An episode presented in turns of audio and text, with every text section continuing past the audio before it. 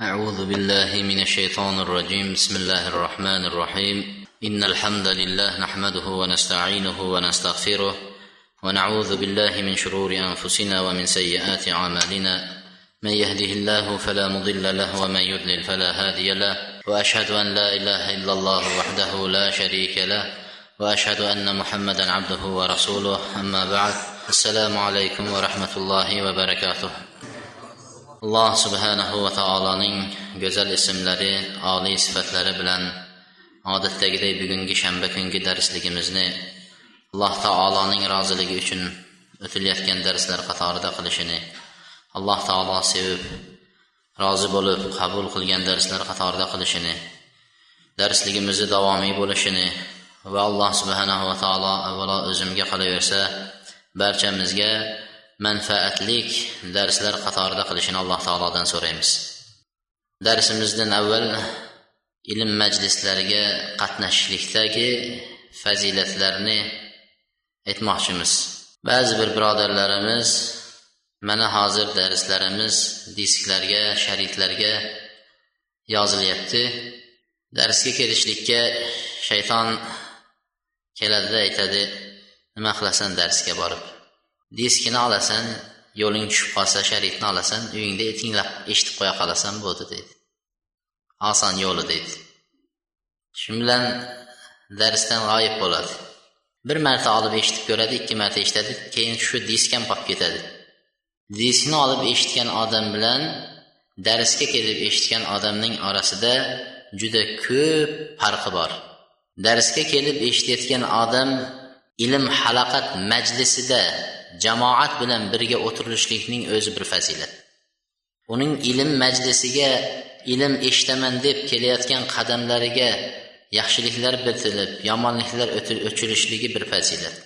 Uning darajalarining ko'tarilishligining o'zi bir fazilat. Majlisda turgan vaqtida haffat humul malaika malaklar farishtalar ularni shu majlisni butunlay o'rab nima farishtalarning qarab turishi o'rab olishligining o'zi bir fazilat farishtalarning ilmga borayotgan vaqtda farishtalar qanotlarini yozib rozi bo'lib shu bandadan qanotlari bilan ko'tarib yurishligi o'zi yana bir fazilat. Va alloh subhanahu va zakarahumullohu fi man indahu. Alloh taolo shu majlisga ilm majlisiga kelgan odamlarni o'zining huzuridagi eng yaqin muqarrab farishtalarga zikr qilishligini o'zi bir fazilat. Faloncha bandamni ko'rdinglarmi deb aytishligining o'zi bir fazilat. Alloh taolo ismingizni zikr qilishligi va farishtalarni shu majlisga allohim gunohlarini mag'firat qilgin tavbalarini qabul qilgin deb duo qilinishligining o'zi bir fazilat. Alloh subhanahu va taolo shu majlisdagi odamlarni hammasini farishtalarni guvoh qilib sizlar guvoh bo'linglar men ularni gunohini kechdim deyishligi eng katta. Nima bo'ladi? Yutuq. Eng katta yutuq mana shu bo'ladi. Ammo diskni olib eshitishni o'zi bilan yoki kassetasini olib eshitishni o'zi bilan bu yutuqlarni qo'ldan nima bo'lib qo'yadi? Chiqarib qo'yamiz. Shuncha ajr savoblarni qo'ldan chiqarib qo'yamiz. Shuning uchun bunga vaqt ajratib bunga ko'ngil bo'lib bunga niyat qilib ixlos qilib kelishlikning o'zi katta narsa katta ajr. Ammo darslarni diskdan tinglashlik bu tushunmay qolgan joylarni takrorlashlik yoki bo'lmasa esdan chiqib qolgan joylarni qaytadan esga tushirishlik uchun ko'makchi bir narsa bo'lishligi mumkin vasila. Tushunarlimi? Biz adabil mufrat kitobini orqaga qaytamiz qirq birinchi bobi man bab man ala jariyatayni aw wahida deydi ikkita qizni yoki bitta qizni tarbiyalagan tarbiyalashlik bobida deydi boqgan kishi haqida deydi عن ابي عشانه المعافيري عن عقبه ابن عامر قال سمعت رسول الله صلى الله عليه وسلم يقول من كان له ثلاث بنات وصبر عليهن وكساهن من جيدته كن له حجابا من النار صحيح حديث uqba ibn amir roziyallohu anhu payg'ambar alayhissalotu vassalomni mana bunday deyayotganligini eshitdim deydi kimni uchta qizi bo'ladigan bo'lsa shu uch qizga sabr qilsa va ularni bor topganidan kiyintirsa va bular qiyomat kuni unga do'zaxdan hijob bo'ladi to'siq bo'ladi deydi. Uchta qizi bo'lsa uchta qizini yedirsa ichirsa kiyintirsa sabr qilsa deydi. Nima uchun? Haligi aytganimizdek avvalgi johiliyat davrlarida qizlarni shunchalik yomon ko'rishdi. Qanday qilib deydi birinchidan zaif ikkinchidan urushga yaramaydi. Erkak yigitlar bo'lsa o'g'il farzand bo'lsa urushlarda dadalariga ko'mak beradi qabilasini himoya qiladi. Shuning uchun o'g'il farzandni ular yaxshi ko'rdi. Qiz farzandni zaifligi uchun yaxshi ko'rishmadi. Ikkinchidan or nomus deb bilishdi. Agar ayol tug'ilibdi desa ranglari qarayib ketardi deydi. Tutuni chiqib haligi ranglari ham o'zgarib ayolni xabar berilsa. Uchinchidan or nomus deb bilishardiki qizlarini ertaga ulg'ayib qanday qilib bir kishiningga nima qilamiz qo'limiz bilan bag'ishlab berib qo'yamiz qizimizni degan or nomus deb bilib johiliyat jaholat shunchalik narsa. Shuning uchun o'zlari tiriklay bularni ko'mib qo'ya qolaylik. To'rtinchidan dushmanlar hujum qilgan vaqtda qizlarimizni ko'zimizni oldida nima qilmasin deb turib e, bular o'zlarini qo'li bilan o'ldirishlikni afzal ko'rishdi. Shuning uchun qizlarni tiriklay suilat alloh subhana taolo qiyomat kunida tiriklay ko'milgan qizlar tirilgizib qaytadan so'ralsa degan oyat tushirdi mana shu narsa bor edi. Shuning uchun alloh subhanava taolo bu shariat hukmini payg'ambar alayhissalom bayon qilib bizga qizlarning ham ertagi kuniga foydasi bor ekanini jahannamdan shular to'siq bo'lishligini endi u qanaqa qizlarni tarbiya qilsa qanaqa qizlarni yetkazsa voyaga? Birinchidan qiz birinchisi ham qiz ikkinchisi ham qiz uchinchisi ham qiz tug'ilyapsa albatta bunaqa xonadondagi ota va ona darrov o'g'il farzand axtarib qoladi. Yoki bo'lmasa avvalgi darsimizda haligi ismlar qo'yishni nima qilayotganimizdek haligi ikkinchisi ham uchinchisi ham qiz bo'lib boryapsa o'g'iljon qo'yib yuboradi. Endi o'g'il bo'lsin deb ha? Shoshadida. O'ylamaymizki bu ollohni berayotgani alloh subhanava taolo ertaga tarbiyalasak o'shanga nima qiladi? Jannatni beradi. Va sabara alayha degani shu. Shunga sabr qila bilsa degani. Sabr sabr qila olsa shunaqa bo'ladi deydi. Ba'zilar sabr qilolmaydi ha? Shuning uchun aytyaptiki unga uch qizi bo'lib sabr qilsa va ularni o'zining halol kasbidan topayotgan narsalardan kiyintirsa yedirsa ichirsa. Tarbiyasi ham mana shuni ichida. lekin qiz farzand bo'lib tarbiyasiga qaramaydigan bo'lsak u foydasi bo'lmaydi namoz o'qitishlik ibodatlari mukammal bo'lishi iffatli hayoli bo'lishliklari mana shu shartlardan do'zaxga to'siq bo'ladi dedilar payg'ambar alayhissalom سمعت ابن عباس عن النبي صلى الله عليه وسلم قال ما من مسلم تدركه ابنتان فيحسن صحبتهما إلا أدخلتاه الجنة ibn abbos roziyallohu anhudan kelgan hadisda payg'ambar alayhissalom aytdi ikkita bo'lsa ham dedilar. Bir musulmonni ikkita qizi bo'lsa ham ularning suhbatini go'zal qilgan bo'lsa dedi. Ularni suhbatini qizlarni tarbiyasi suhbati. Doimo birga bo'lasiz qizlar bilan shuni tarbiyasida yaxshi qaragan bo'lsa chiroyli qilgan bo'lsa ana unda u ikkov qizi otasini yo onasini jannatga kirgizishga sabab bo'ladi dedi. Jannatga kirgizadi dedilar. قال رسول الله صلى الله عليه وسلم من كان له ثلاث بنات يوويهن ويكفيهن ويرحمهن فقد وجبت له الجنة البتة. فقال رجل من بعض القوم واثنتين يا رسول الله. قال واثنتين. فيغمر صلى الله عليه وسلم جابر بن عبد الله رضي الله عنه رواية خيان هذه ستايت أدلر كمن اشتا قزب ولا ديان موسى ولارجا جاين بير يحشلب يما اشماغدن كفاية قلسه ularga rahmlik bo'lsa ota ona qizlariga rahmli bo'lsa ularga albatta jannat vojib bo'libdi ota onaga jannat vojib bo'libdi dedi shunda qavmdan biri turib aytdiki agar ikkita bo'lsachi yo rasululloh deganlarida agar ikkita bo'lsa ham dedi ikkita qiz tarbiya qilsangiz ham uchta qiz tarbiya. Uchta qiz bo'layotgan odam xursand bo'laversinkin alloh subhana taolo menga jannat eshigini ochyapti agar shularni chiroyli tarbiya qilsam deb xursand bo'lish kerak. Nuqul menga qiz beryapti nuqul menga ba'zilar ayoliga nima iching to'la qizmi deydi. Ana shunaqa yo'q alloh subhana taoloni ne'mati beryapti ekan jannat eshiklari ochilar ekan agar shuni go'zal tarbiya qilib qila olsa deydi. Bu yerda qizlarni beryapti tarbiya qilishligi haqida. Jobir ibn abdullah shu hadisni aytdilar lekin bu yerda jobir ibn abdullahni o'zlari bir kuni uylandi. Uylanganlarida payg'ambar sollallohu alayhi vasallam ko'rinmay qolganligidan usti boshini o'zgarganligidan uylangan kishi darrov nima atropa hidlari ustidan burqib turadi ha kiyimlari chiroyli bo'la boshlaydi turqlari ham o'zi nima bo'lib bilinadi uylangan odam. Ko'rdida darrov bildi bu jobir ibn abdullohni uylanganligini bildilarda hal tazavvajda dedi. Uylandingizmi ey jobir dedilar. Deganlarida ha ya rasululloh uylandim dedi. Abikron avtayyiban dedi. Qiz bola oldingizmi yoki bo'lmasa juvon oldingizmi dedilar. Hali uylanmagan vaqtlari hali uylanmagan vaqtlarida birinchi marta uylanayotgan yigit nimani oladi juvon oladimi qiz oladimi? Ha? Qiz oladi hech kim juvon olmaydi.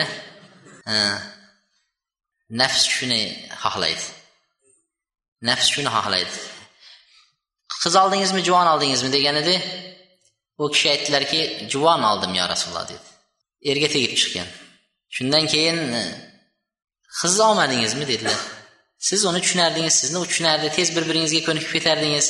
E, yosh bo'ladi sizga tezroq e, o'rganadi degan ma'nolarda aytdi. Tulaibuha va tulaibuk dedilar. Shunda e, ya rasululloh dedi meni dadam uhud jangida shahid bo'ldi dedi. Onamiz yo'q. Yettita farzand qoldirdi singillarim hammasi dedi. Birdan keyin biri yettita dedi. Agar men qiz bola oladigan bo'lsam shularni yoshida teng bo'lib qolishi mumkin dedi. A u dedi ularni qanaqadan tarbiya qila oladi dedi. Shularni tarin bersin tarbiya bersin deb men juvonga uylandim yoshi kattaga uylandim dedi. Yoshi kattaga uylandim dedilar.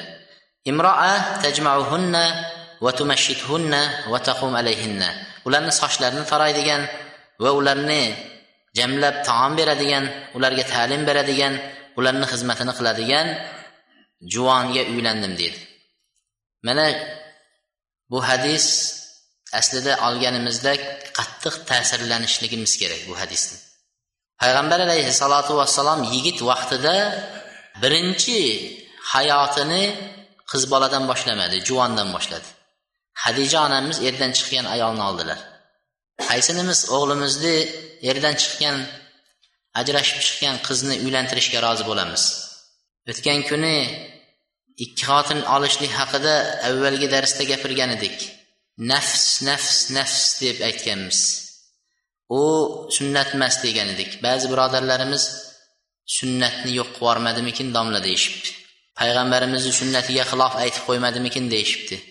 Ba'zilar ikki xotin olganlarga borib sizlarga qarshi qattiq gaplar gapirdi debdi. Allohni guvoh qilib aytaman men shu gaplardan keyin bari kitoblarni qaradim sunnat degan joyi yo'q ekan muboh amal deyilgan qilsa savobi yo'q qilmasa gunohi yo'q degan ekan. Uxlashlik savobmi gunohmi? Hozir uxladingiz turdingiz. Savobi ham yo'q gunohi ham yo'q. Ikkinchi xotin olish ham xuddi shunga o'xshagan ekan deydi. Savobi ham yo'q gunohi ham yo'q deydi. Ha endi birovni maqsad qilib men aytganim yo'q. Falon odamni va kazon odamni. Ayniqsa domlamiz haydar akani bo'lsa uning martabasiga yeta bilsanglar uylaninglar. O'g'illari qori qur'onni mukammal yodlab chiqqan qizlari hijobda va o'g'illari ilmi yetib yetilgan. Shunaqa qilib o'qita bilsanglar bolalaringlarni alloma qila bilsanglar uylaninglar. Qilolmasanglar nafsga ergashmanglar. Hozir aytib turibmiz. O'g'lingizni juvon olib bermaysiz. Jobir ibn abdullohni qilgan ishini qilib berolmaysiz. Bir ayol eri o'ldi avariyada xotini qoldi misol uchun. Qizi qoldi bolasi qoldi. Qaysiningiz borib shuni rahm shafqat qilib uylanmagan bolamizga misol olib kelib shuni uylantirib qo'yamiz shu qizni. Qilmaymiz a? Qilmaymiz. Tobeinlarni sahobalarning yo'li ham sunnat aslida. Shular shunday qilgan ekan shu sunnatni ham bir qilay deb kim qila oladi? Kuchimiz yetmaydi. Shuning uchun unaqa gaplarni gapirmaslik kerak. Ammo uylanishlikka qodir bo'lgan adolat qila olgan tarbiya qila olgan qizlarini va bolalarini tarbiya qila bilgan kishilarga uylansa bo'laveradi muboh. Ho'p bab man ala salas axavat uchta opa singlisi bo'lsa shularni qaramog'iga olib boqgan kishilar bu hozirgi yuqorida o'tgan hadis ham shunga dalolat qiladi anna rasululloh sollallohu alayhi vasallam قال لا يكون لأحد ثلاث بنات أو ثلاث أخوات فيحسن إليهن إلا دخل الجنة bir odam deydi uchta singlisi bo'lsa yoki uchta opasi bo'ladigan bo'lsa ularga yaxshilik qiladigan bo'lsa albatta u jannatga kiradi dedi opa singillarga ham shariatda bu hadisning kelishining ma'nosi aholari bo'lsa singillari bo'ladigan bo'lsa borib aloqa qilishlik ularga yaxshilik qilishlik haqida. Qirq uchinchi bob man ala ibnatahul marduda. Bu hadis zaif ekan lekin bunga shohidlari bo'ladi. Qaytgan qizni qaramog'iga olgan kishi fazli. Qizi ajrashib kelgan bo'lsa o'shani qaramog'iga olgan kishi haqida deydi. Qolali ala adulluka ala azami sadaqa min azami sadaqa? Qala bala ya rasululloh bu kishi aytadilar payg'ambar alayhissalom bir kuni aytdilarki eng sadaqalarni afzalini aytayinmi dedilar. Sadaqalarning eng oliysi eng afzalini aytayinmi deganlarda ha ya rasululloh dedi ibnatuka mardudatan ilayka laysa laha kasibun g'ayruk. Senga qizing ajrashib qaytib kelgan bo'lsa sendan boshqa uni qaraydigan odami bo'lmasa shu qizni shu qizga qilayotgan yaxshiliging ehsoning sarflayotgan mablag'ingni hammasi sadaqalarning eng afzali hisoblanadi dedi.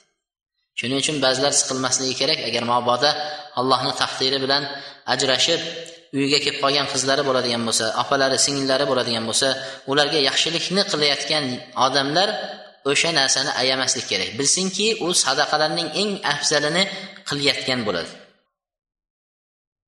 Babul valad mabhalatun majbana.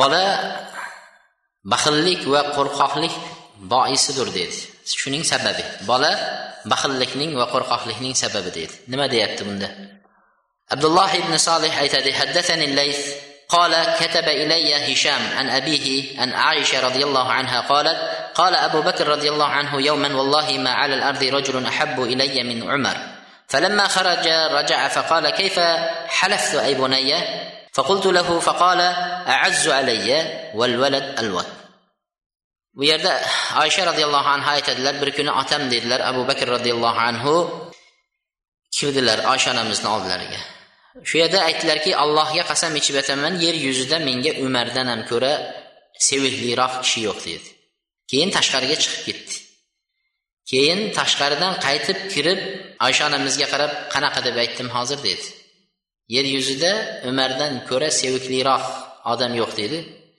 Qaytib kirdida qanaqa deb aytdim dedi. Shunda oysha onamiz mana shunaqa deb aytdingiz deganlarida yer yuzida payg'ambarimizdan keyin sevikli umardan so'ra seviklisi yo'q deganda payg'ambarimizdan keyin seviklisi umar deb aytgan. Keyin qaytib kirganlaridan keyin aytdi yo'q eng azizi umar dedi. Seviklisi emas dedi. Eng azizi payg'ambarimizdan keyin eng azizi kim bo'ladi? Umar dedilar eng seviklisi farzand dedilar bola qalbga yaqin bo'ladi dedida shuning uchun iboralarni to'g'irlab qo'ydi. Qalbga yaqin bo'lgandan keyin bir narsani olloh uchun chiqaray deb turgan narsangizni bolani eslagan vaqtda bolam uchun deysizda. Hamma narsani bolam uchun tashlayapmizda kim uchun? Bolam uchun. Kim uchun yig'yapmiz? bola uchun kim uchun yashayapmiz farzandlarimiz uchun kim uchun hammasi farzand bola yig'ayotganimiz ham hammasi shuni alloh uchun sarflay olmaymiz ushlab turamiz ana shuning uchun bola baxillikning bir sababi sadaqadan to'sib qo'yishga bir sabab bo'lishi mumkin qo'rqoqlik shuni sadaqa qilib yuborsam erta bolam kambag'al bo'lib qolmasin deymiz shu qo'rqoqlikni ham sababi bo'lib qoladi dedi كنت شاهدا ابن عمر إذ سأله رجل عن دم البعوضة فقال ممن أنت فقال من أهل العراق فقال انظروا إلى هذا يسألني عن دم البعوضة وقد قتلوا ابن ابن النبي سمعت النبي صلى الله عليه وسلم هما ريحاني من الدنيا bir kuni deydi ibn umar roziyallohu anhuni oldida o'tirgandilar bir odam kelib ibn umar roziyallohu anhuni hajda haj vaqtida ehromga kiradi ehromga kirish degani butun hamma kiyimlarini yechib oppoq ehrom kiyimini kiyib allohga talbiya aytib niyat qilib men hajga niyat qildim men umraga niyat qildim deb talbiya aytadi. Shu talbiyadan keyin ehromga kirdi hisoblanadi. Ehromga kirgan kishilar tirnoqlarini olishi mumkin emas sochlarini olishi mumkin emas yo biror narsani o'ldirishi mumkin emas. Mana shunaqa nimalar bor? Hajda tartiblar bor.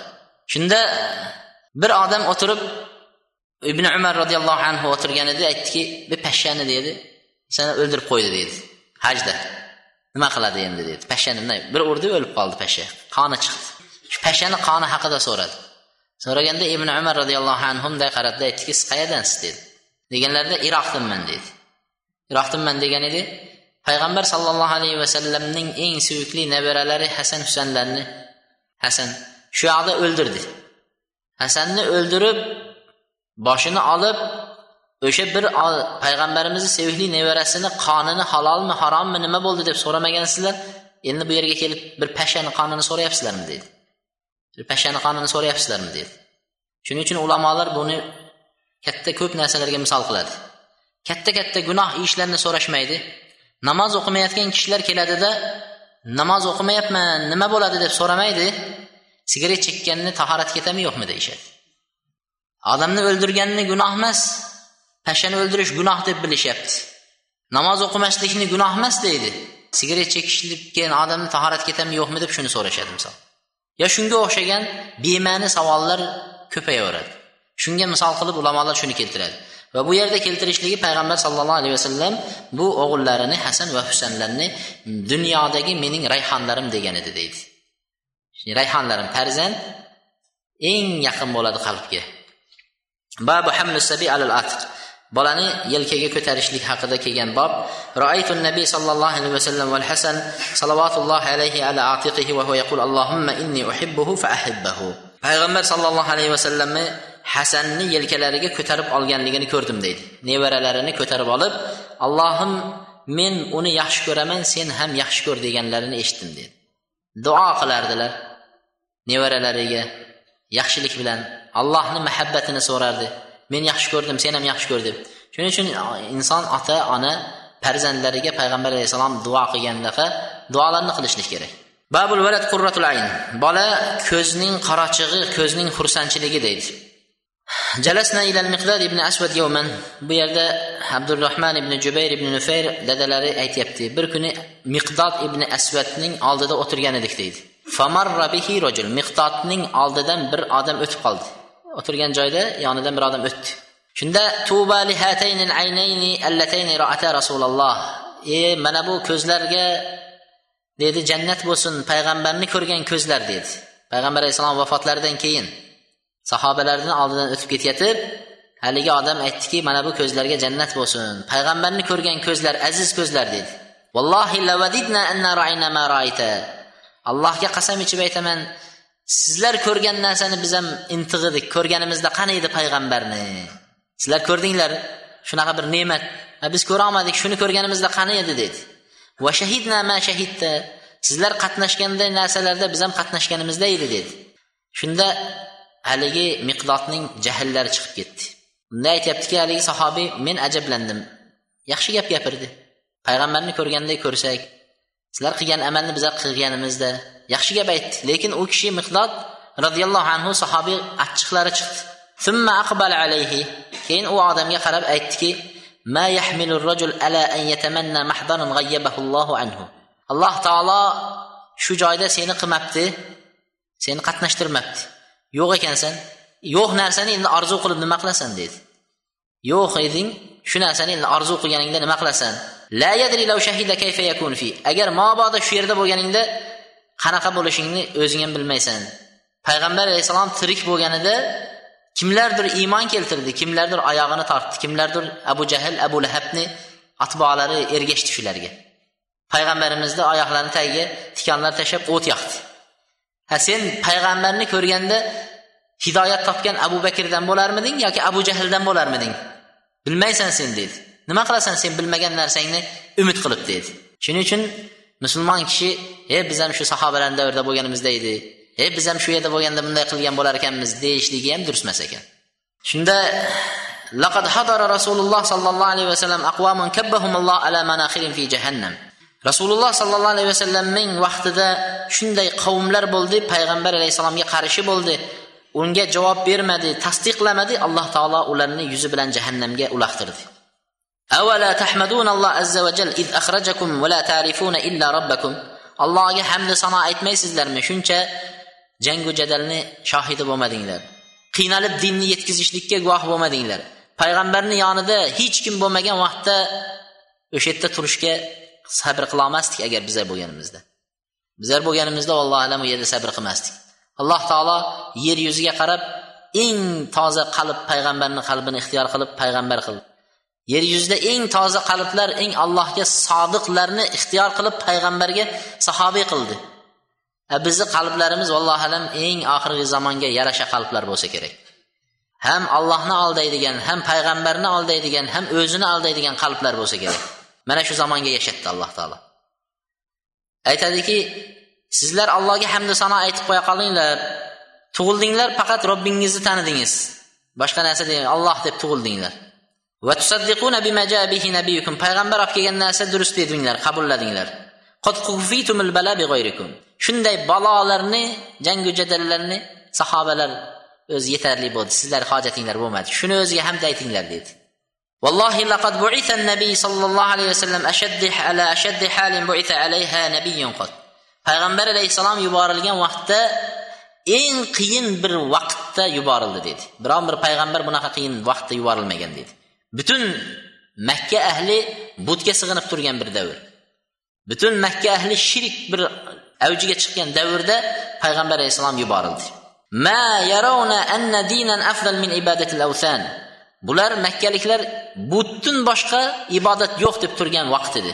فجاء بفرقان فرق به بين الحق والباطل. پیغمبر علیه السلام اجرتوچی کلمه‌لر بلن келди قرآن بلن فرقان بلن حق بلن باطلنی اجرتیب келди بو حق بو ناحق بو توغری بو ناتوغری деп туриб اجرتیب قرآن بلن келди وفرق بين الوالد والولد. آتا بلن فرزندنینگ ортасини قرآن بلن اجرت. قنده اجرت. کافر مسلمانمگه اجرتدی yo dinni qabullab musulmon bo'ldi yo dinni qabullamasdan kofir bo'ldi. Va hatto inkana rajul la yara walidahu aw waladahu aw akhahu kafiran qad fataha Allahu qufla qalbihi bil iman va ya'lam annahu in halaka dakhala an-nar. Shunday bir zamon bo'ldi alloh taolo farzandini iymon bergan bo'lsa musulmon bo'ldi lekin akasi ukasi onasi otasi kofir bo'lib turganligini ko'zi bilan ko'rib turib agar shunday o'ladigan bo'lsa do'zaxga ketishini bilib turgan holatda zamonda yashadi deydi. Shunday bir qiyin zamon. O'zingizni onangizni kofir holatda ko'rib turibsiz. Ko'zlaringizdan javdirab yosh oqadigan bir davrda siz musulmonsiz. Abu hurayra roziyallohu anhu nima uchun yig'ladilar? Musulmon bo'ldi onalari islomni qabullamadi. Qancha rat qancha marta borib yig'lab payg'ambar alayhissalomga duo qiling onalarimga duo qiling deb yig'ladilar. Duo qildilar. Nimaga? Bilardi agar shunday holda o'lsa kufrda kofirda do'zaxga tushishini bilardi. Shunday bo'lib turib dedi bilgan holatda yashadi. Qanday qilib buni ko'zi xursand bo'lsin o'z o'g'lini bilib turib musulmon bo'lmasdan do'zaxga ketishini bilib turib qanday qilib ko'zi xursand bo'lsin dedilar. Shuning uchun farzand ko'zning xursandchiligi deganga mana shu hadisni keltirdi. Uzun hadis sahih hadis silsila sahihada keltirgan. Endi bu yerda insonning farzandining hammasi ko'zni xursandchiligi emas ekan. Farzand tug'ilsa barisi ko'z xursandchilik. Qaysi farzandni dinda islomda allohning toatida ibodatda o'stirsangiz o'sha farzandni ko'rsangiz xursand bo'lar ekansiz. Mana bu farzandim ertagi kuni inshaalloh duo qilyapti namoz o'qiyapti alloh taolo jannatga kirgizsa birga bo'lamiz. Ko'z xursand bo'ladi. Jannatga kirganda birga bo'lganda ko'z xursand bo'ladi. Ammo farzandni tug'dirib qo'yib namozida ham yo'q boshqasi ham yo'q hech narsasini so'ramasdan faqat ishini so'rasangiz topgan pulini so'rasangiz keyin o'lgandan keyin u farzand do'zaxga ketishini bilib turib ko'zingiz qanday xursand bo'ladi? Farzandingizni. Qanday qilib u farzandni bag'ringizga bosa olasizki ertagi kuni ikkingiz ikki yoqqa ajray deb turibsiz? Shuning uchun ko'z xursandchiligi farzand deganda qanday farzandlar? Itoat qiladigan allohni ibodatini qiladigan farzandlar ko'z xursandchiligi. Babu babu man daa li sohibihi aw akfir an akfir malahu va walada. Qirq sakkizinchi bob. Bir birodariga alloh taolo molingizni ziyoda qilsin farzandingizni ziyoda qilsin deb duo qilishlik haqida. عن انس قال دخلت على النبي صلى الله عليه وسلم يوما وهو وما هو الا انا وامي وام حرام خالتي اذ دخل علينا bir kuni payg'ambar sollallohu alayhi vasallam dedilar bizni uyimizga keldilar men anas roziyallohu anhu yosh bola edi onam va xolam ummi harom bor edi dedi uch kishi shunda payg'ambar alayhissalom kirdilarda ala usolli bikum sizlarga dedi bitta bitta joyda namoz o'qib beraymi dedilar namoz vaqti emas edi nafl namozni maqsad qildi Nafl namoz o'qib beraymi deydi. O'qib berishning sabablari shu joyda o'qib bersalar payg'ambar alayhissalom o'qigan joylarda tabarruk qilishib payg'ambar o'qib bergan joylarni bir masjid qilib o'zlariga bir namozxona qilib doim shu yerda o'qib turishligi uchun namoz o'qib ko'rsatib bermoqchi bo'ldi. Anas minhu. Shunda payg'ambar alayhissalom anas roziyallohu anhuni o'ng taraflariga qo'ydilar va onalarini va xolalarini orqa taraflariga qo'ydilar va shu joyda namoz o'qidi.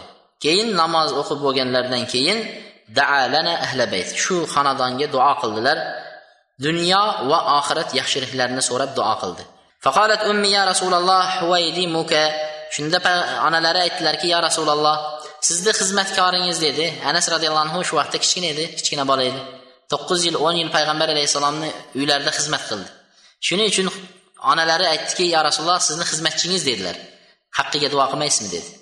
Shunda payg'ambar alayhissalom allohga duo qildilar yaxshilik tilab va qilgan duolarini ichida allohimma akfir malahu va valadahu va barik lahu. Ey alloh buning molini ziyoda qil farzandlarini ziyoda qil va bergan mollarda farzandlarda barakotlar ato qil deb duo qildi.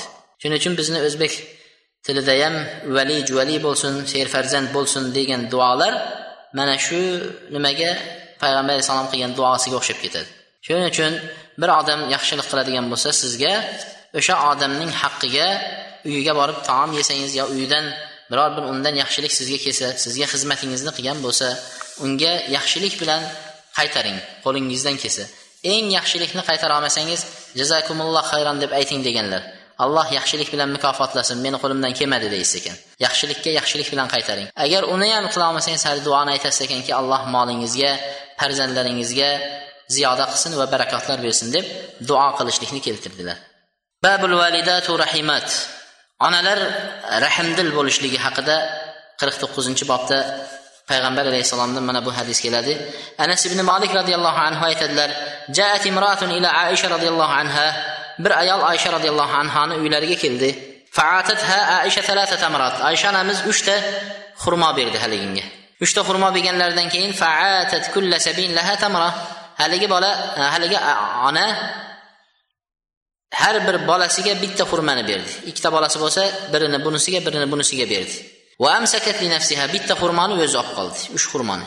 Haligi ikkita bola ikkita xurmoni yeb qo'ydilar. Va onasining qo'lidagi qolgan bir xurmoga tikildi. Faamadat ila tamra fashaqqatha ona o'zi yemasdan qo'lidagi xurmoni bo'lib ikki bo'lakka yana yarim yarimdan farzandlarga berdi. فجاء النبي صلى الله عليه وسلم فأخبرته عائشة payg'ambar alayhissalom kelganlarida oysha onamiz ko'rgan voqeani aytib berdi shunda bir ayol keldi ikkita bolasini yetaklab hech narsasi yo'q ekan so'radi berdim man shunday mana shunday bo'ldi deb aytib berdi oysha onamizga aytdilarki nimaga bundan ajablanasiz dedi ikki bolasiga rahm qilgani sababli alloh taolo bu ayolga rahm qildi dedi. Onalar yemasdan yediradi qo'lidagi borini farzandlarga beradi o'zi yemasa ham bolasiga yediradi. Mana shu qilayotgan narsasini behuda ketyapti deb hisoblamas kerak. Albatta har bir qilayotgan rahmiga tunlari bedor turib farzandlarini misol emizadi qaraydi kasal bo'lsa bedor turib ularni nima qiladi? Ovutadi yupatadi. Mana shu qilayotgan rahmiga alloh subhanava taolo ayollarga rahm qilib turar ekan. Sen farzandingga qanchalik rahm qilgan bo'lsang men senga shunchalik rahm qildim der ekan. Alloh subhanahu va taolo. Bu birinchisi.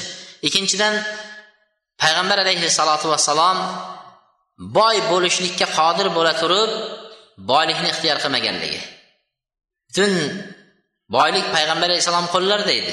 Lekin bugun yuz tuya qanday kelsa shunchalik yuz tuyani shunchalik ehson qilardi. Hatto ba'zi kunlarida namozdan keyin shoshilib o'rinlaridan turib uyga yugurib kirib ketganliklarini aytadi. Shunda bitta uyda qolib ketgan bir dirhamni olib chiqib mana bu dirham uyda tushib qolibdi qolibdi. Mana buni sadaqa qilmagan ekanman deb olib chiqib sadaqa qilganliklarini. Bu payg'ambar alayhissalom o'zi asli boy bo'lishga qodir edi. Lekin boylikni ixtiyor qilmadilar. Shuning uchun oysha onamizni uylarida yeydigan yo bo'lmasa ehson qilib sadaqa qilay deb uch xurmodan ortig'ini topmagan. Nimaga uch xurmo berdi? Ko'rib turibdi onasiga yetmay qoldi. Nimaga qolganini olib chiqib bermadi desa beradigani yo'q edi. Biz hozir qanaqa zamonda yashayapmiz? Ha? Payg'ambar alayhissalotu vassalom qorinlari ochiqdi. Ko'chaga chiqdilar. Abu bakr umar roziyallohu anhuni ko'rdi. Nimaga chiqdinglar? dedi. Shunda yo rasululloh qarnimiz ochib ketdi. Yeydigan narsa yo'q uyda. Abu bakr roziyallohu anhu borib eng qimmat narxga bilolni sotib olib ozod qildi.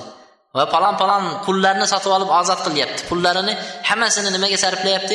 Allohni yo'liga sarflayapti. Musulmonlarni sotib olyapti. La ilaha illalloh degan odamga borib yordam beryapti.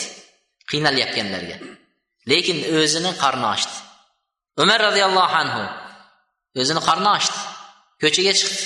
Ko'chaga chiqqanida aytdiki ya rasululloh qarnimiz ochdi uyda yeydigan narsa topmadik ko'chaga chiqqan yuringlar dedi. Men ham dedi. Xuddi sizlarni chiqargan narsa meni chiqardi. Ochib ketdi qarn. Tashqariga chiqdi. Shunda abu ayyub al ansoriy payg'ambar alayhissalomga tog'alik joylari bor. Shu kishini uylariga bordi qarindosh. Bordilar uylariga kirdi xursand bo'lib ketdilar. Shunda qo'llarini yugurib borib rutab xurmoni bir pishgani birisi hali pishmagan endi yarim pishib yarim pishmaganini olib olib kirdi payg'ambar alayhissalom oldiga. Suv olib kirdilar sut olib kirdilar. Shunda ayollarini pishirayotgan nonlaridan ozgina non olib kirdi. Payg'ambar alayhissalom xurmo yedi sut ichdi non yedi. Deydi yeb ichib bo'lganlaridan keyin turayotgan vaqtida mana bu ne'matlar haqida so'ralasizlar qiyomatda dedi. Uchta narsani suvni xurmoni nonni. Biz hozir mehmon kelsa uchisini qo'yishga uyalamiz to'g'rimi? Oldiga bitta nimada? Likopchada xurmo oddiy bir suv choy emas va bir sutni. Stakanda bir sut qo'ysangiz misol uyda ishchi ishlatyapmiz oldiga sut qo'yishga ham uyalamiz ichmaymiz deydi. Shunaqa. Qiyomatda mana bu ne'matlar haqida so'ralasizlar deydi payg'ambar alayhissalom. Bizni endi hozir ne'matlarni ichida g'arq bo'lib sho'ng'ib ketganmiz. Lekin uni shukrini ado qilyapmizmi alloh biladi. Payg'ambar alayhissalotu vassalomni o'sha ayollari beradigan nimasi bo'lmadilar? O'shanga beradigan uch xurmodan boshqa narsasi bo'lmadi. Shuning uchun bir kuni payg'ambar alayhissalotu vassalom majlisda o'tirganda mana shunday bir e, musofir kishi kelib qoldi. Bir musofir keldi. Shunda musofir kelib turib birinchi kimga uchraydi? Shu majlisni boshqarayotgan kishiga. Payg'ambar alayhissalomga aytdilarki sizlardan birontangiz dedi menga joy berib bir kunga va taom beradigan odam topiladimi? dedi. Bir kunga joy va bir kunga taom. Payg'ambar alayhissalotu vassalom ayollarining uylariga odam yubordi. Boring oyshani uyiga kiring.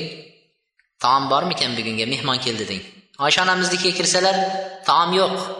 Yo rasululloh uyda hech narsa yo'q edilar lekin onalarimiz ummahotil mo'minin payg'ambarning onalari ayollari mo'minlarning onalari sabrli edilar. Biz ayollarimizga o'xshab uyda hech narsa yo'q nima qilib yuribsiz darsda? Darsga borgandan ko'ra ishlasangiz bo'lmaydimi? Demaganlar. Ana shu uyga kirdi oysha onamizni uyda hech narsa yo'q. Ikkinchi ayollarniki yubordi savdo onamizga hafsa onamizga. Bordi hech birinikida biron bir bir kunlik taom yo'q. Payg'ambarning xonadonida bir kunlik bir mehmonga yetadigan taom yo'q. Shunda payg'ambar alayhissalom aytdi kim shu mehmonni ziyofat qilib beradi bugun? Bir kunlik taomi va bir joy bilan. Unga mukofot. Shunda sahobiylardan biri turib yo rasululloh men olib ketaman dedi. So'ramadi uyda bormi yo'qmi? deb. Yetakladiyu olib ketdi. Uylariga olib bordi mehmonni. Shunda uyga kirgandan keyin ayoliga yegulik narsa bormi? deb endi so'rayapti. Uyga olib borib qo'yib. Hozir mehmon kelib uyga yetaklab borsangiz uyda yeydigan narsa bo'lmasa ha? Nima bo'ladi? Janjal bo'ladi to'polon bo'ladi. Qaramaysizmi deydi u yoq bu yog'ingizga mehmon chaqirguncha deydi. Ha? Oldin bozor qilib qo'ying undan keyin mehmon chaqiring deydi. Oldin topib qo'ying deydi keyin mehmon kutasiz deydi. Unaqa emas. Mehmondo'st bo'lish kerak. Ibrohim alayhissalom uyiga bir kun mehmon kelmasa xafa bo'lardi. Alloh subhanahu va taolo meni unutdi deb. Ana shunaqa. Shunda aytdiki bugunga bolalarimizga yetadigan taom bor dedi. Boshqa yo'q. Ikki odamga yetadigan taomdan boshqa yo'q. Shunda aytdiki bo'pti. O'sha taomni dedi isiting olib keling. Mehmonni oldiga olib kelgan vaqtda chiroqni o'chirib qo'ying dedi. Chiroqni o'chirib xuddi u chiroqga o'sha vaqtda nimalar lampa moy bilan shu moyini quyib yog'ini quyib haligini siz nima qilayotgan bo'lasiz? Ha biz mehmon bilan yeymiz dedi. Xuddi aytganday qildi ayoli ovqatni taomni olib keldi u vaqtda hijob tushishdan avval shuni ham bilib qo'yaylik. Shunda olib keldi olib kelib oldiga taomni qo'ydi. Haligi chiroqni tuzatayotgan bo'lib o'chirib qo'ydi. Haligi mehmonga qarab oling mehmon oling deb turib tovoqga qo'lini cho'zib oling mehmon deb turib qorong'uda qo'lini tovoqqa boradi bo'sh qaytaradi. Og'ziga tovoqqa boradi og'ziga bo'sh qaytaradi. Mehmon to'ysin deb. Mehmon uni yeyapti ekan deb bu bo'lsa katta katta olib yeydi mehmon. Ana shunday qilib mehmonni to'ydirdi tunda. Bir odam to'ymaydigan taomga mehmonga berib o'zi yemasdan to'ydi. Keyin ertalab mehmonni shunaqa qilib ozon bo'ldi olib keldi. Payg'ambar alayhissalomni oldiga olib kelganda payg'ambar alayhissalom kuldilar. Laqad ajiballoh va ba'zi rivoyatda laqad zahikalloh min saniikuma dedi. Alloh subhanava taolo sizni va ayolingizni tunda qilgan ishidan kuldi dedi. Alloh taolo kuldi tunda qilgan ishinglar alloh ajablandi dedi. Alloh taolo rozi bo'ldi dedi. Alloh taolo rozi bo'ldi haligi ikkisini qilgan ishiga. Kuldi alloh taolo. Ana topilmadi uyda bir mehmonni kutadigan taom topilmadi shu vaqtda. Bir mehmonga beradigan taom topilmadi. Shuning uchun bu hadisda ham uch xurmo berdi va qarab turdi degan shu bobda kelgan. Ellik beshinchi bobga ko'chamiz. Babul al bil jar qo'shnilarga yaxshilik qilishlikka vasiyat qilishlik bobi. Biz bu nimada taqribda bu mavzuda avval qo'shnilar odobi haqida o'tganmiz. Lekin biz kitobdagi adabil mufratdagi kelgan hadislarga suyanib turib o'sha qo'shnilik bobida kelgan hadislarni o'qib o'tamiz. Qo'shnilar alloh subhanahu va taolo qur'oni karimda qo'shnilarning haqlarining judayam buyuk ekanligi va ularning haqlari bizni tepamizda vojib ekanligini bayon qildi muhim masalalardan biri qo'shnichilik masalasi va qur'onda alloh taolo niso surasida وبالوالدين إحسانا وبذي القربى واليتامى والمساكين والجار ذي القربى والجار الجنب dedi ota onangizga yaxshilik qiling undan keyin zil qurba qarindoshlarga yetimlarga miskinlarga va qarindosh qo'shnilaringiz va begona qo'shnilarga yaxshilik qiling dedi alloh taolo. Qarindosh qo'shnilar qarindosh yoki qarindosh bo'lmagan begona qo'shnilar shularga yaxshilik qiling degan oyatni alloh taolo nozil qildi. Bu yerda abu bakr ibn muhammad an amra an aysha roziyallohu anha an nabiy sallallohu alayhi vasallam qala ma zala jibril yusini bil jar hatta zanantu annahu sayuwarrithuhu jabroil farishta payg'ambar alayhissalomni oldilariga keldilar. Qo'shnilarga yaxshilik qilishlik qo'shnilarga yaxshilik qilishlik haqida vasiyat qildi. Qo'shnilarga yaxshilik qilishlik haqida vasiyat qildi. Hattoki payg'ambar alayhissalom o'yladilar qo'shni ham meros olsa kerak. Hozir shu merosga qo'shib yuboradi deb o'yladi. Aka uka tug'ishganlar nima qiladi? Bir qorindan tushganlar merosga taalluqli bo'lgan kishilar meros oladi. Otaning o'lgandan keyin vafotdan keyin onaning aka ukani vafotlaridan keyin qolgan dunyolari taqsim qilinganda merosga haqlilar oladi. Ana shu qo'shni ham shunga kirib ketadi deb o'ylab qoldik dedilar. Yana hadislarda aytadi man kana yuminu billahi val yawmil akhir falyuhsin ila jarih kim allohga iymon keltirgan bo'lsa oxiratga iymon keltirgan bo'lsa qo'shnilariga yaxshilik qilsin degan hadisni aytdi. Judayam katta hadis. Qo'shnilarga yaxshilik qilsin. Kim allohga iymon keltirgan bo'lsa oxiratga iymon keltirgan bo'lsa mehmonni hurmat qilsin. Kim allohga iymon keltirgan bo'lsa oxiratga iymon keltirgan bo'lsa yaxshi gapni gapirsin agar yaxshi gapni topmaydigan bo'lsa jim tursin degan ekan. Majlislarda yaxshi gapingiz bo'lsa gapiring.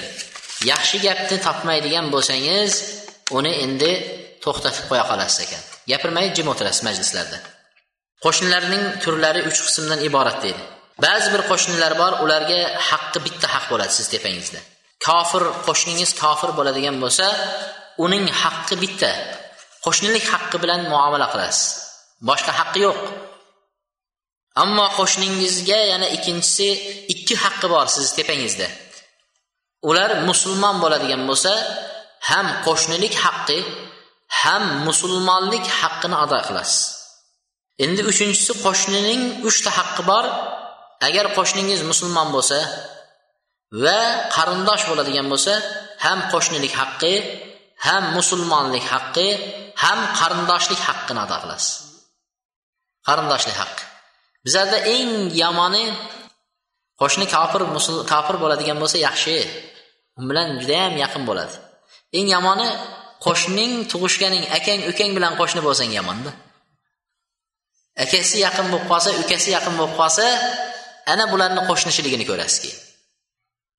ana shu xuddi kofirdan ham battar bir biriga nima qilib qoladi babu haqqul jar qo'shnilik haqqi deydi سمعت المقداد بن أسود يقول سأل رسول الله صلى الله عليه وسلم أصحابه عن الزنا payg'ambar alayhissalotu vassalom bir kuni sahobalardan zino haqida so'radi zinoni nima deysizlar dedi shunda sahobalar aytdiki harom zino harom alloh alloh subhana taolo va payg'ambari zinoni harom qilgan dedi payg'ambar alayhissalom aytdiki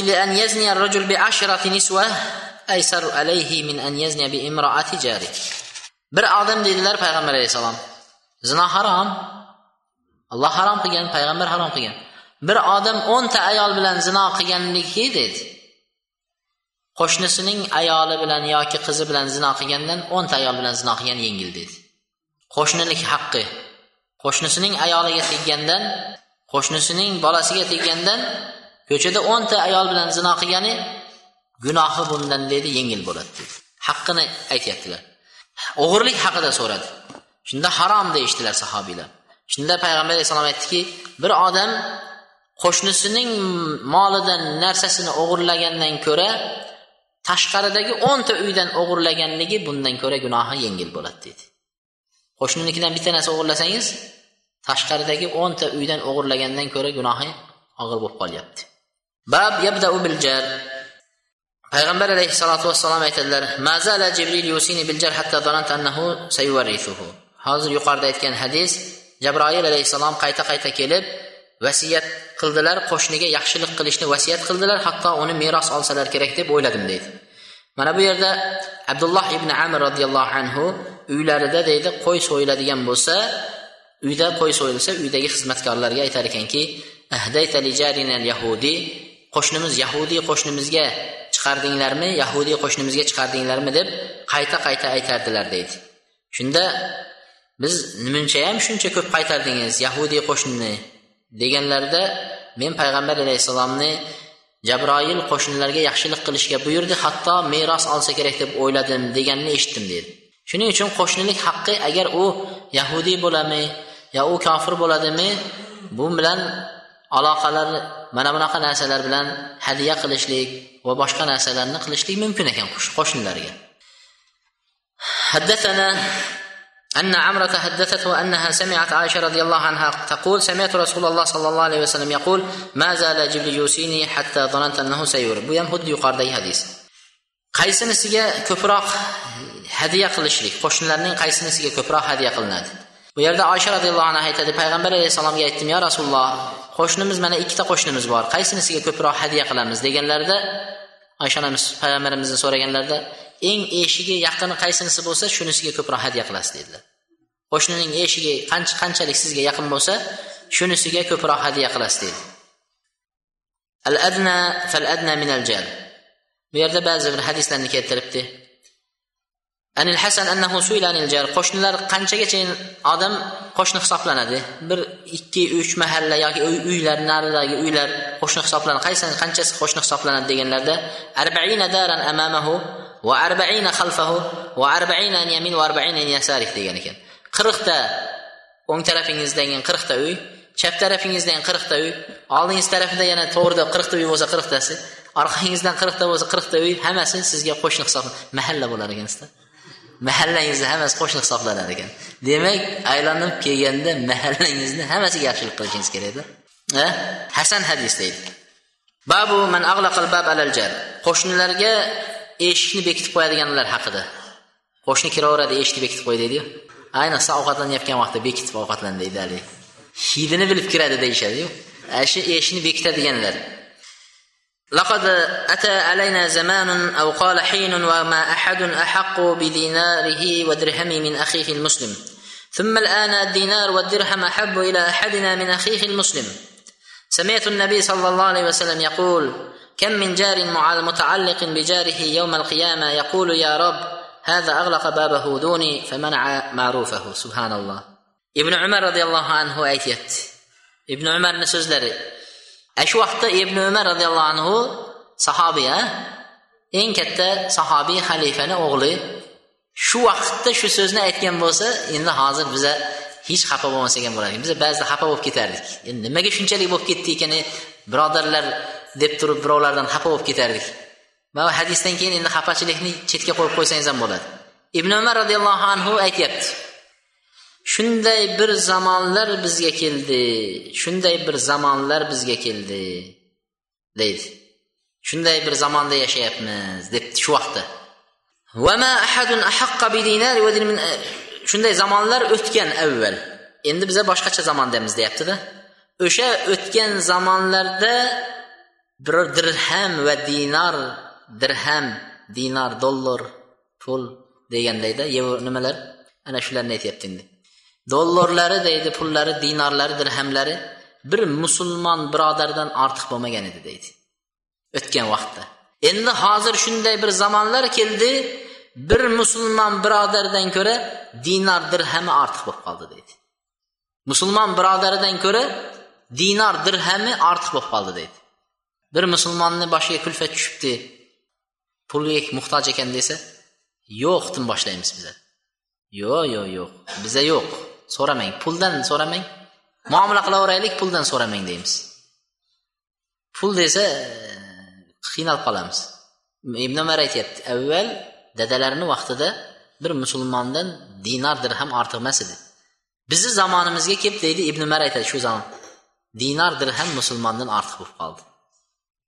Va payg'ambar alayhissalomni shunday deganini eshitdim dedilar. Qancha qancha qo'shnilar qiyomat kuni qo'shnilarning bo'ynilariga osilib oladi debdi.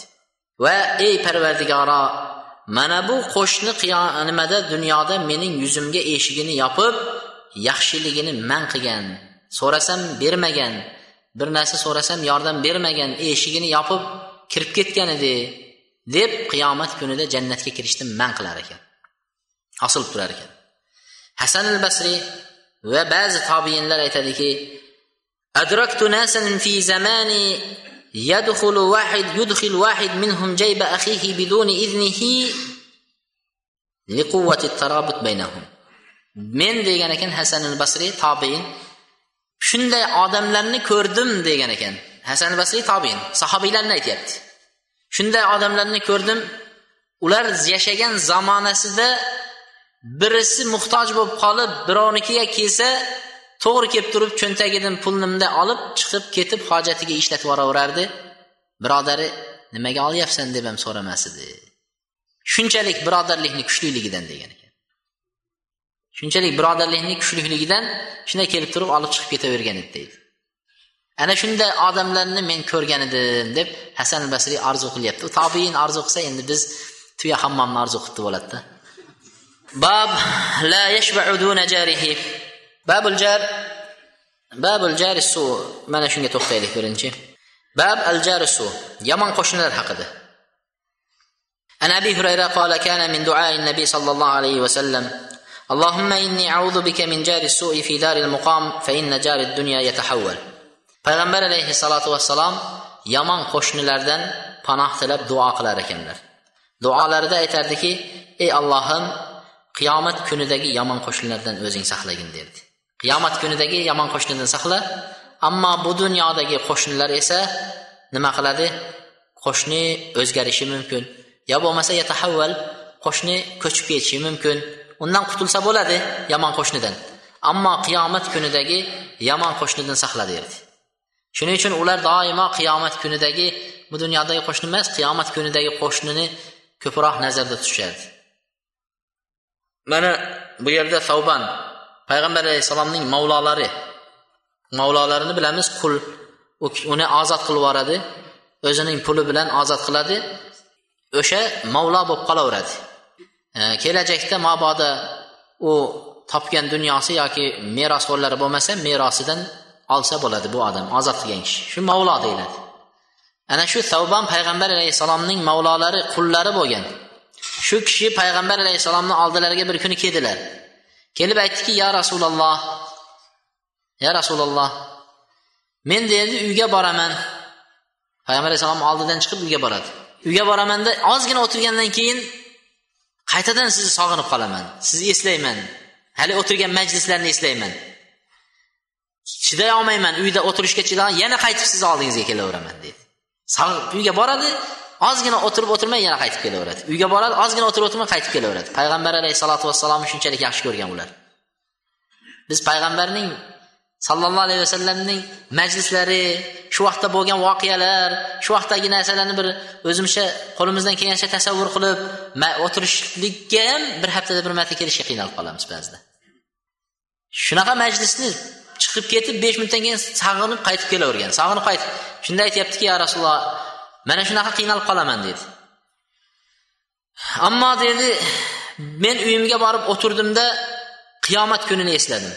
Qiyomat kunida men bu dunyodan o'tsam siz bu dunyodan o'tsangiz qiyomat kuniga borsak siz payg'ambarlar bilan oliy maqomlarga ketsangiz mabodo men jannatga agar alloh nasib qilib kirsamu bir pastda bir joyda makonlarda sizni ko'rolmaydigan joyda qolib ketsam. yuragim qanday bardosh berar ekan chiday olmayman sizni ko'rmasdan tura olmayman shuni eslaganimdan keyin yig'lab o'zim to'xtatolmay qoldim dedi qaytib sizni oldingizga keldim so'ray shuni nima qilaman deb keldim dedi payg'ambar alayhissalomni oldiga shunda payg'ambar alayhissalotu vassalom aytdilarki alloh taoloni mana bu oyatini o'qib ومن يطع الله ورسوله فأولئك مع النبيين والصديقين والشهداء والصالحين فحسن أولئك رفيقا kim allohga itoat qiladigan bo'lsa payg'ambarga itoat qiladigan bo'lsa u payg'ambarlar bilan siddiqlar shahidlar solihlar bilan birga bo'ladi. Qandayyam go'zal suhbatchi do'stlar rafiqlar sheriklar qo'shnilar qiyomat kunini payg'ambar qo'shni bo'lsa sizga. Qiyomat kunida solihlar qo'shni bo'ladigan bo'lsa siddiqlar qo'shni bo'ladigan bo'lsa mana shu odamlar qo'shnilari mana shular deydi. Payg'ambarga qo'shni bo'laman degan odam allohga va rasuliga itoat qilishligi. Bu yerda alloh subhanahu va taologa qiyomat kunidagi eng go'zal qo'shnichilik so'ragan ayollar. Ayollarning to'rttasi mukammal ayollardan deb aytilingan. Kim aytadi to'rtsin uxlayotganlar aytadi.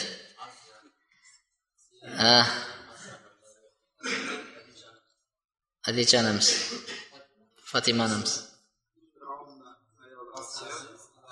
maryam onamiz fatima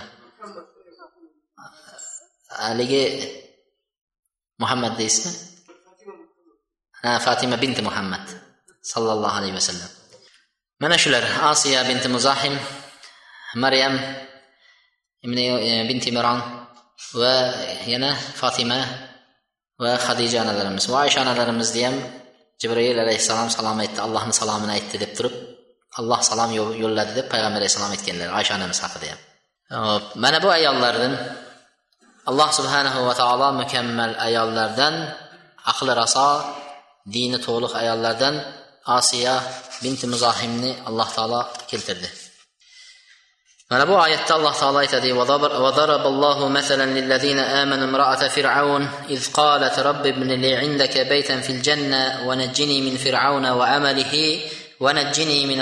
zolimin alloh subhanahu va taolo iymon keltirgan ayollarni va iymon keltirmagan ayollarni misolini keltirdi.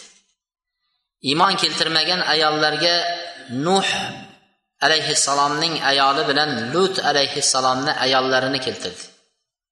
Alloh taolo iymon keltirmagan kofir kishilarga nuhning ayoli va lutning ayolini misol qilib keltiryaptilar.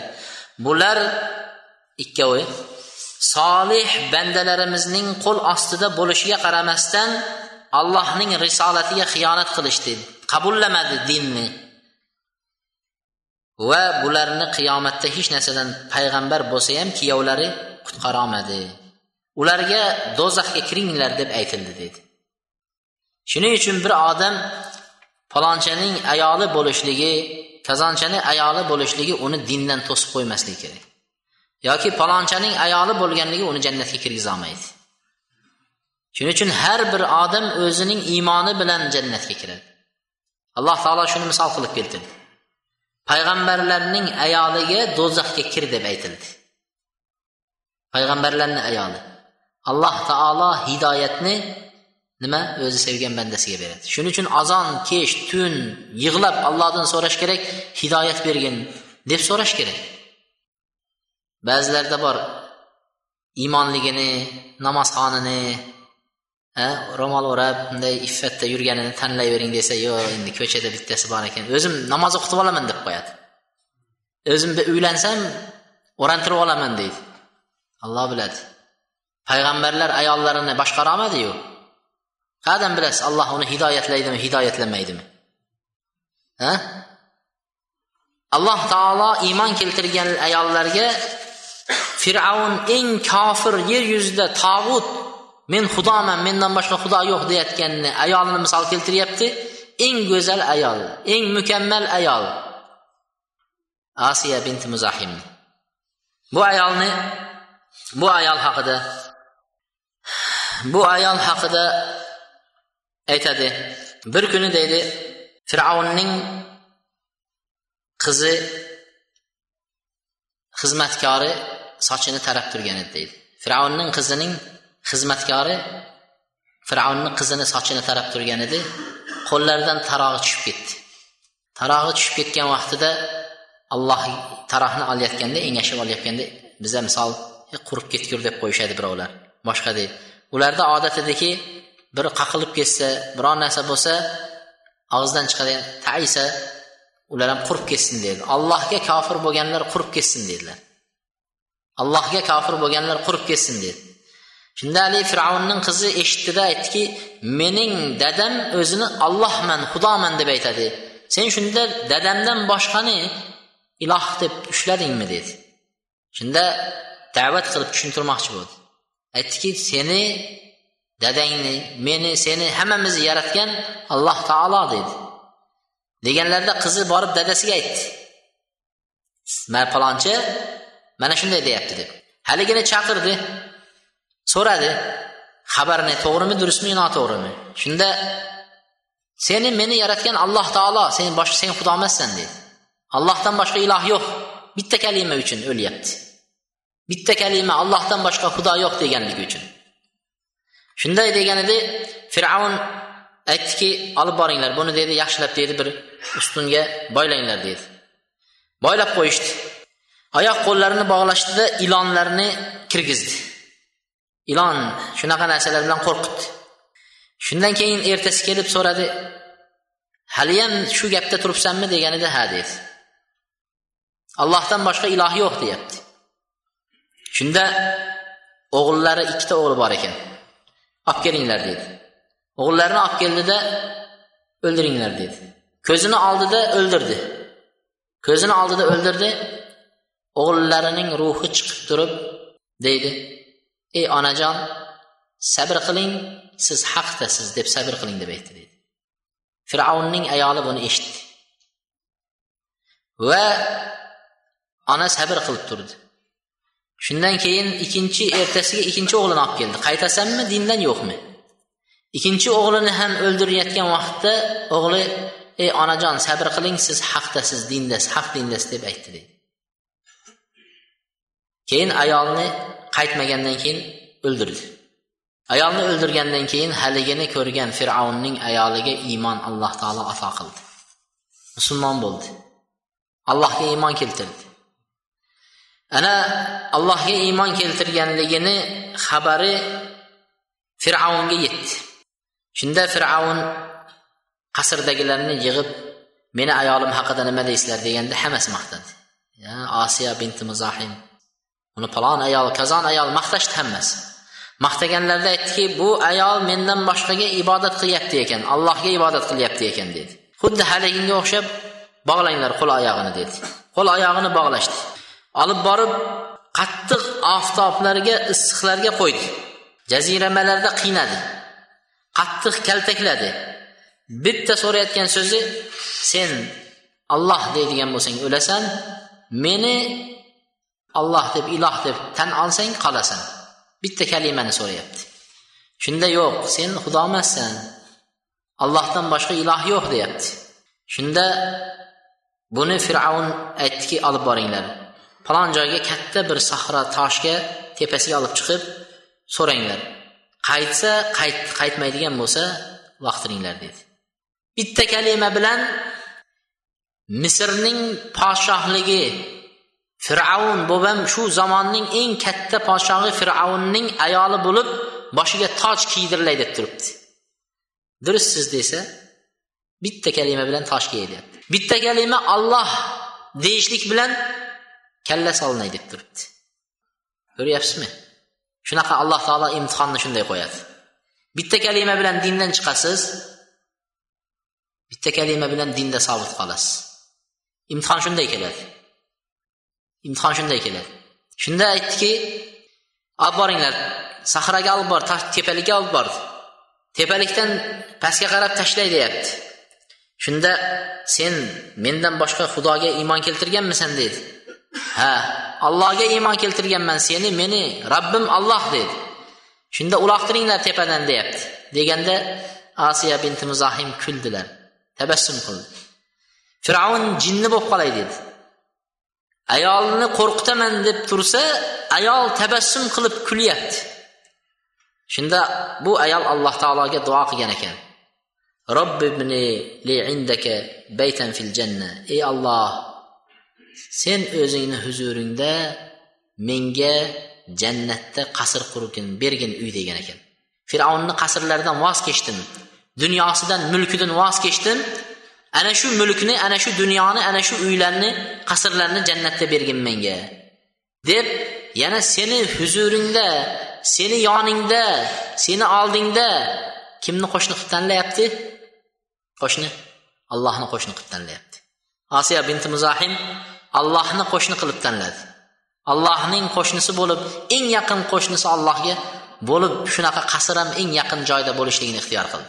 Jannatdan bir uy beri demadi jannatdan bir uyni menga nasib qil demadi jannatda sening oldingdagi uyni ber dedi.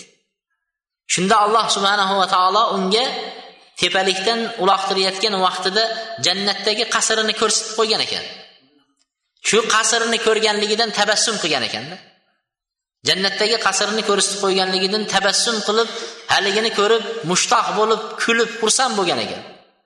Tepalikdan uloqtirishganda hatto uni ruhini alloh taolo uloqtirishdan avval olib qo'yganda quruq jasad pastga tashlangan ekan. Alloh taolo pastga tushirmasdan uni ruhini jannatga kirgizgan ekan. Shuning uchun ulamolar mana buni aytishadiki eng qo'shnini yaxshisini tanlagan ayol osiyo binti muzohim edi. U ayol jannatdagi allohning qo'shni bo'lishligini tanladi. Deydi payg'ambar alayhissalotu vassalom ey olloh oxirat kunida yomon qo'shnilardan saqlagin do'zaxdagi kishilarga qo'shni bo'lishdan saqla. Va dunyodagi qo'shnilar esa o'tkinchi almashib turadigan qo'shnilar deydi. Bab la yashbau duna jarihi. Vallohu alam qo'shnilar haqidagi e, mavzuyimizni nihoyasiga yetkaza olmaymiz bu darsda. Keyingi darsga ham qoladi. Oltmish birinchi bobga keldik. Subhanak allohumma va bihamdik astag'firulloh va atubu ilayk.